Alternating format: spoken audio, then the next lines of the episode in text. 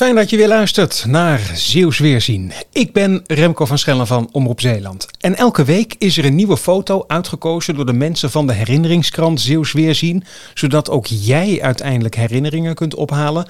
Albert Kort, jij bent er vandaag. Hallo. Goedemorgen. Wat doe jij bij de herinneringskrant? Ik ben, uh, ja, zoals ze dat noemen, een soort freelance uh, schrijver. Ik ben uitgenodigd door die club om af en toe een bijdrage te leveren voor het uh, blad. Dat dus vooral gericht is op wat oudere mensen, ongeveer de leeftijdsgroep waartoe ik inmiddels ook behoor. Ja, precies. Je bent zelf ook doelgroep.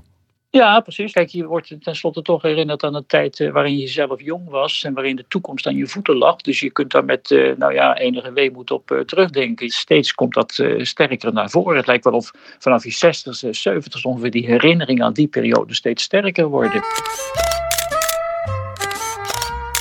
Wat staat er op jouw foto? Een selfie die gemaakt heb met een drietal pockets van een uh, jeugdboek. Dat uh, ik vanaf mijn tiende, elfde jaar ongeveer met uh, ontzettend veel plezier begon te lezen. Geschreven door een Duitse schrijver, Karl Ney.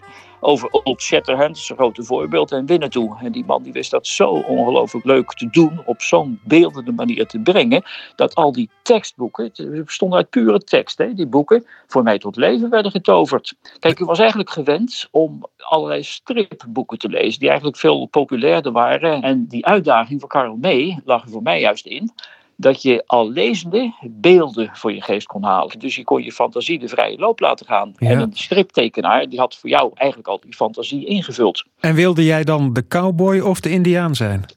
Uh, de cowboy kon ik me toch wat meer mee identificeren, ja. En de indiaan die werd dan door die Karel mee zodanig beschreven... dat hij eigenlijk ook wel een, een blanke was van hart. Tegenwoordig is die serie toch wat, nou wat zullen we zeggen, omstreden?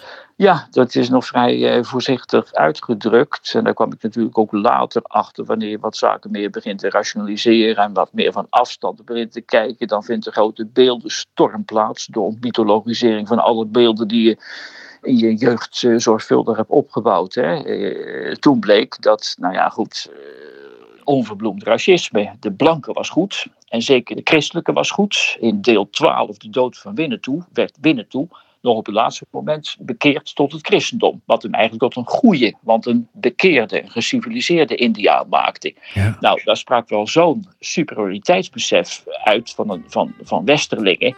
En ja, onverbloemd racisme blank eruit uit. Maar dat had ik als puber gewoon helemaal niet door. Als kind had je daar helemaal geen last van, van die nee. racistische discussie. Het genot op dat moment was voor mij belangrijker dan de wijsheid achteraf. Albert Kort, dankjewel. Jouw foto te zien op zeeuwsweerzien.nl